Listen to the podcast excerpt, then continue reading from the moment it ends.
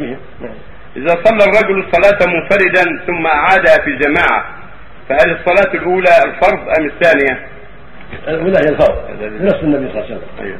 قال لما لما كان الأمراء يعني يؤخر صلاة أوقاتها قال صل الصلاة لوقتها فإن أدركتها معه وصلي فإنها لك لك نافلة ولا تقل صليت فلا أصلي. نعم.